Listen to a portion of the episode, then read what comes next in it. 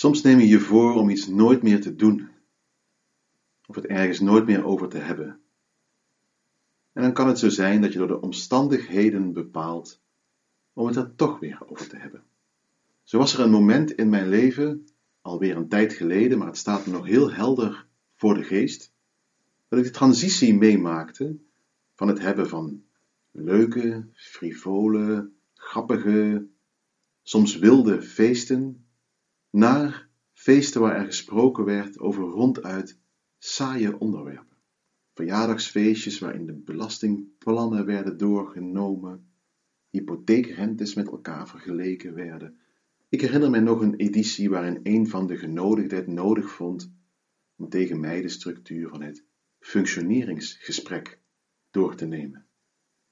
Luisteraars die niet weten wat een functioneringsgesprek is, zou ik zeggen, dan zit je nog aan de goede kant van deze transitie.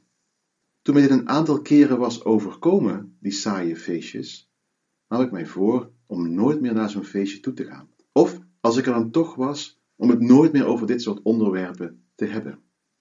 Het is anders gelopen. Ik heb die feestjes nog wel degelijk bezocht. Sterker nog, op een gegeven moment hoorde ik mezelf dingen zeggen over fiscale regelingen. Ach ja, zo kan het nou eenmaal gaan. Ik voel me vandaag een beetje hetzelfde. Want vandaag ga ik het hebben over een onderwerp, ANOVA, in goed Nederlands variantieanalyse, waarvan ik me eigenlijk had voorgenomen om er nooit meer les over te geven. Om het ook niet in deze podcastserie op te nemen.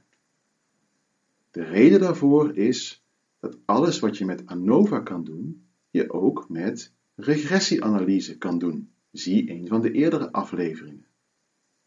En sterker nog, in regressieanalyse is het makkelijker uit te leggen, makkelijker te begrijpen, dan hoef je eigenlijk maar één recept te kennen, terwijl ANOVA een ontzettend jargonrijk en complex aanvoelende procedure is.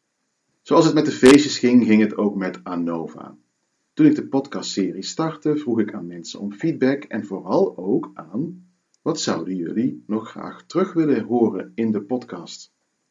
Die uitnodiging staat overigens nog steeds open. Als er luisteraars zijn die een onderwerp graag uitgediept wilden zien, of een onderwerp wat nog niet behandeld is, maar waar je wel graag meer over wil weten, dan hoor ik het heel graag. De reacties die ik kreeg waren over het algemeen heel sympathiek en bijna allemaal zeiden ze: Wat zou het toch mooi zijn als er ook nog een aflevering over ANOVA of ANCOVA inkomt. Nou goed, het zij zo. ANOVA is een van de succesverhalen van de statistiek in de 20e eeuw, opgekomen na het uitvinden van de factoriële designs, waar we het vorige keer over gehad hebben. ANOVA is zoveel gebruikt en is alle decennia na de Tweede Wereldoorlog onderzoekers met de paplepel ingegoten. We ontkomen er gewoon niet aan. Ik besloot om al mijn reserves te laten varen, dus stap maar gezellig in, we gaan het hebben over ANOVA. Welkom bij Audiostatistiek, de podcast over statistiek zonder plaatjes.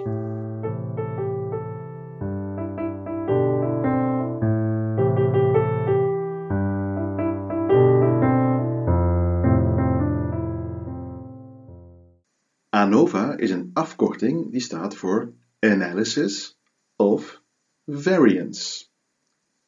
In het Nederlands noemen we het variantieanalyse. ANOVA komt in statistiek om de hoek kijken in eerste instantie als we de situatie hebben dat we meer dan twee groepen met elkaar willen vergelijken. Als je twee groepen met elkaar wil vergelijken, bijvoorbeeld patiënten versus gezonde controles, dan gebruik je een t-toets. Dat hebben we eerder gezien. Maar stel nu dat ik niet twee groepen met elkaar wil vergelijken, maar drie. Namelijk patiënten met aandoening A, patiënten met aandoening B en gezonde controles. Ik wil niet alleen weten of de bloeddruk van de patiënten verschilt van die van gezonde controles, maar ik wil ook de patiënten met twee aandoeningen met elkaar kunnen vergelijken. Dus ik heb drie groepen data. Ik heb informatie verzameld over bloeddruk bij drie verschillende groepen deelnemers. Twee verschillende patiëntengroepen en één groep gezonde controles. Hoe zou je dat nu kunnen doen? De meest voor de hand liggende oplossing, een gedachte die veel mensen in eerste instantie hebben bij dit probleem, is om nu verschillende t-toetsen te gaan doen. Eerst vergelijk ik de patiënten met aandoening A met de gezonde controles. Dat is mijn eerste t-toets. Dan vergelijk ik de patiënten met aandoening B met de gezonde controles. Dat is de tweede t-toets. En vervolgens vergelijk ik de patiënten met aandoening A met de patiënten met aandoening B. Dat is mijn derde t-toets. Dan heb ik de vraag verschillende groepen van elkaar opgehakt in kleine deelvergelijkingen. Elke patiëntengroep met de gezonde controles en dan nog eens de patiëntengroepen afzonderlijk met elkaar vergeleken. Dan doe je drie verschillende t-toetsen. Dit klinkt als een eh, voor de hand liggende oplossing die toch niet te prefereren is. Waarom vertel ik jullie straks. De standaard oplossing hier is om ANOVA te doen op het moment dat je meer dan twee groepen met elkaar wil vergelijken. Het kunnen drie groepen zijn, het kunnen ook vier of vijf groepen zijn, maar ik hou het nu even bij drie groepen. ANOVA kan namelijk de vraag beantwoorden: verschillen deze groepen van elkaar? En dat kan ANOVA in één toets. In plaats van drie afzonderlijke t-toetsen te doen, kan ANOVA je in één keer met één p-waarde zeggen verschillen de groepen van elkaar. Laten we daar wat dieper op ingaan. Wat we in dit voorbeeld doen, is een hele aparte nulhypothese toetsen. De nulhypothese hier is dat er geen verschil is tussen de groepen. Als ik dit zou uitschrijven, zou de nulhypothese zijn: patiënten met aandoening A is gelijk aan patiënten met aandoening B is gelijk aan gezonde controles. De alternatieve hypothese zou zijn: dat is niet zo. De groepen verschillen op een manier van elkaar. In ANOVA kun je een toets doen die precies antwoord geeft op die vraag. Op de vraag: moeten we de nulhypothese van geen verschil tussen de groepen, moeten we die verwerpen of niet? Als we ANOVA uitvoeren, dan komt daar een zogenaamde f-waarde uitrollen en, belangrijk voor onze toepassing, een p-waarde. Als die p-waarde kleiner is dan 0,05, verwerpen we de nulhypothese en zeggen we ja, inderdaad, er is een verschil tussen deze drie groepen. Dat is wat ANOVA doet. Dat noemen we de zogenaamde omnibus-toets of omnibus-test. Tot nu toe is de ANOVA-procedure niet per se ingewikkeld. We vragen: is er een verschil tussen deze groepen? En als de p-waarde kleiner is dan een arbitrair cut-off point, en dat is in dit geval 0,05, dan zeggen we ja, inderdaad, de groepen verschillen van elkaar. Wat tot nu toe ANOVA vooral is, is het een beetje teleurstellend. Ik heb net met een hoop poeha over ANOVA gesproken, dat decennia lang mensen met de paplepel kregen ingegoten en nog dat soort heftige statements. En nu blijkt dat ik met ANOVA kan zeggen: er is een verschil tussen deze drie groepen. En dan zijn veel mensen teleurgesteld. En ook wel een beetje terecht. Want ja, een verschil tussen drie groepen, dat, dat is eigenlijk vaak niet zo interessant. Je wil weten hoe verschillen die groepen dan van elkaar. Is het zo dat patiënten A een enorm hoge bloeddruk hebben en de patiënten met aandoening B en de gezonde controles niet? Of is het zo dat de twee patiëntengroepen, zowel A als B, een enorm hoge bloeddruk hebben vergeleken met de gezonde controles? Dat zou kunnen. Er is nog wel een ander scenario te bedenken hoe de drie groepen van elkaar verschillen. Alleen dat zegt de ANOVA er niet bij. De ANOVA-toets, de omnibus-toets, die toetst omnibus. Die toetst een hypothese waarin alles met elkaar vergeleken wordt. Dus die stelt de heel simpele vraag: is er een verschil tussen deze groepen? terwijl de onderzoekers bijna altijd willen weten hoe de drie groepen met elkaar verschillen en daar waarschijnlijk ook van tevoren al een hypothese over hadden. Daar hebben de ANOVA-uitvinders ook een oplossing voor bedacht, namelijk dan doen we zogenaamde post-hoc of follow-up tests. Die worden post-hoc genoemd omdat ze na het doen van de omnibus-test gedaan worden. In een ander stukje jargon worden ze ook wel eens planned comparisons genoemd. De post-hoc tests zijn in feite t-toetsen. Dus nadat we de omnibus-toets gedaan hebben en we geconcludeerd hebben er is een verschil tussen de drie groepen, gaan we nu alsnog de t-toetsen doen om te bevragen wie verschilt dan precies van wie. In dit geval zouden we dan drie t-toetsen kunnen doen.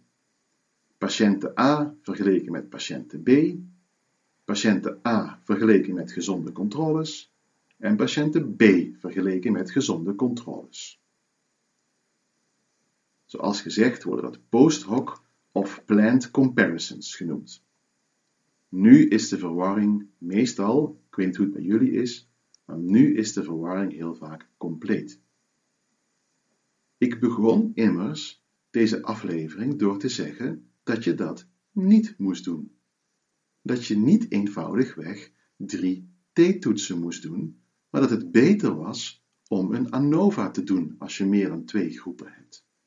Nu eindig ik het verhaaltje met te zeggen dat we dat onder het mom van post-hoc tests toch nog gaan doen.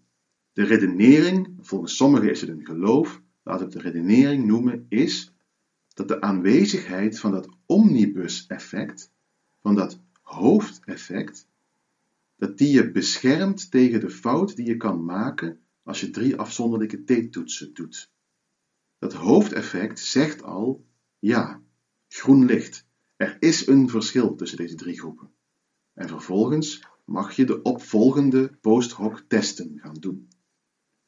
Omdat die post-hoc testen, die ook wel eens contrasten worden genoemd, is geloof ik al de vierde term voor hetzelfde ding, omdat dat er verschillende zijn, moet je een zogenaamde correctie voor multiple comparisons toepassen.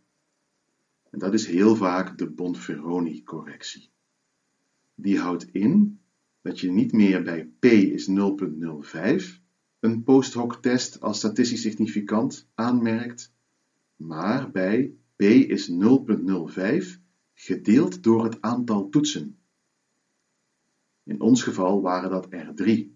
Is 0.05 gedeeld door 3 is ongeveer uit mijn hoofd 0.017.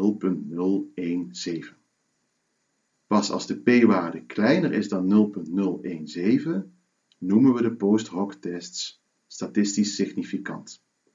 Dat heeft te maken met meervoudig toetsen en daar ga ik het in een van de toekomstige afleveringen heel uitgebreid over hebben, omdat dit echt een hot topic is in de statistiek, vooral als je big data hebt.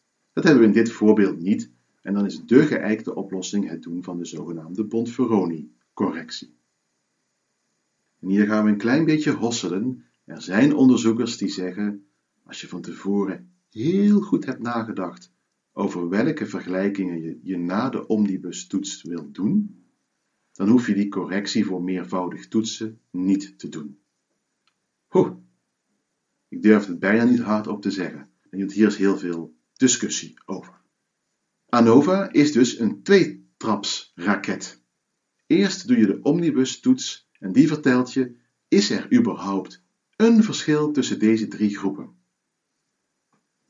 Als de p-waarde daarvan kleiner is dan 0.05, dan zeg je ja, dat is zo, en dan ga je verder met je post-hoc tests.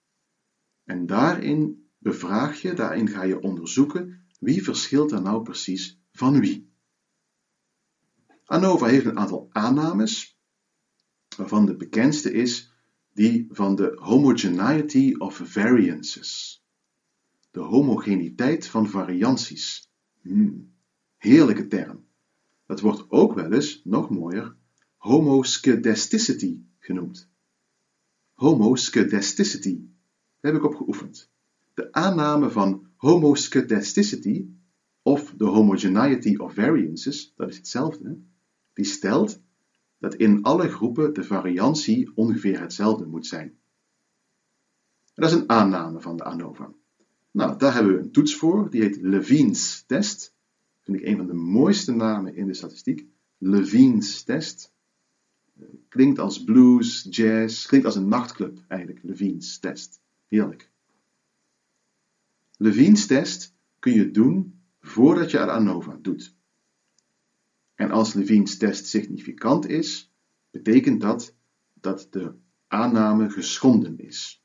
Dat de varianties niet gelijk zijn. En vrijwel alle softwarepakketten die ANOVA uitvoeren, doen daar dan een correctie voor.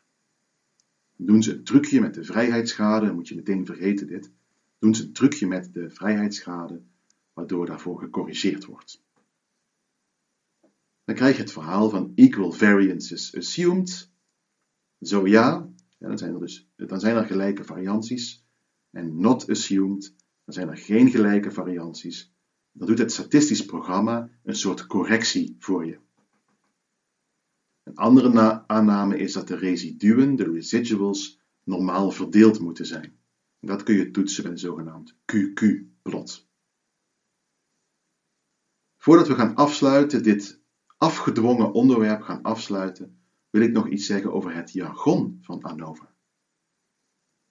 Ik heb het nu met jullie gehad over één bepaald type ANOVA, namelijk een between subjects one factor ANOVA. Deze ANOVA was between subjects omdat ik drie groepen had waarin verschillende individuen zaten. Ik had een groep met patiënten A, dat waren zeg 50 mensen, patiënten B, dat waren 50 andere mensen. En gezonde controles, dat waren weer 50 andere mensen. Dat noemen we een between subjects design tussen proefpersonen in het Nederlands. Daarover kun je ook een van de eerdere afleveringen over experimenteel ontwerp terugluisteren. Je kunt ook een ontwerp hebben wat within subjects is, dus waarbij je dezelfde persoon twee keer meet of drie keer of vier keer. Dan kun je ook een within subjects ANOVA doen. Daar komen bepaalde haken en ogen aan die ik volgende week zal behandelen. Als ik het heb over proefpersonen, denken we al snel aan mensen. Maar een between subjects design kan ook zijn metingen bij verschillende machines, of bij verschillende dieren, of aan verschillende paddenstoelen zolang het maar onafhankelijke metingen zijn, onafhankelijke groepen. ANOVA werd zo populair omdat ANOVA precies op factoriële designs past. We hebben het er vorige keer over gehad. Een factorieel design is een design waarin je verschillende factoren toetst, waarin je kijkt of een bepaalde factor een rol speelt. In het voorbeeld met de drie patiëntengroepen zou je kunnen zeggen: er is één factor, die noemen we groep, en die had drie levels, drie niveaus. Namelijk patiënten A, patiënten B en gezonde controles. Dat zijn de drie niveaus van deze ene factor. Toen Fisher de factoriële designs uitvond, vond hij meteen ook een manier uit om die factoriële designs goed te kunnen analyseren. En dat was variantieanalyse of ANOVA. En nu zie je misschien ook waarom de populariteit van ANOVA zo groot geworden is. Met de factoriële designs kon je allerlei fancy en mooie dingen, heb ik het vorige keer over gehad, daar ga ik volgende keer nog eens dunnetjes over doen. En die mooie dingen kon je dan heel mooi analyseren met ANOVA. Vandaag hebben we een eerste stap gezet in ANOVA, waarbij we in plaats van twee groepen ineens drie groepen met elkaar moesten vergelijken. En we zagen dat het dan slim is om een omnibus-test te doen, een F-test. Dat doet ANOVA voor je en vervolgens, als er een verschil is tussen de drie groepen, kun je die opvolgen met zogenoemde post-hoc tests, waarbij je dan gaat vragen wie verschilde er nu precies van wie? Volgende keer gaan we kijken hoe ANOVA krachtig kan ingezet worden als je design wat ingewikkelder is. Als je bijvoorbeeld meer dan één factor hebt. Als je één factor hebt, noemen we dat een eenweg ANOVA. One-way ANOVA. Mocht je twee factoren hebben, noem je het tweeweg of two-way ANOVA. Zoals bij alle onderwerpen waarvan je eigenlijk had voorgenomen dat je het niet meer over zou hebben, is het op een gegeven moment ook wel goed om even op te houden met erover te praten. Dat ga ik voor nu doen, maar ik zie jullie graag terug bij de volgende aflevering, waarin we dieper ingaan op ANOVA. Ik zal dan ook uitleggen waarom ANOVA eigenlijk een ding van het verleden begint te worden. De ontwikkeling in de statistiek is dat we ANOVA steeds meer vaarwel gaan zeggen en in gaan wisselen voor een variant van regressieanalyse. Als je op feestjes komt waarbij het heel veel over statistiek gaat hebben, dan wens ik je heel veel plezier, maar vergeet niet de frivole, leuke, wilde onderwerpen ook ter sprake te brengen. Ik zou het gewoon doen. Graag tot volgende keer, waar we verder gaan in de wonderenwereld van ANOVA.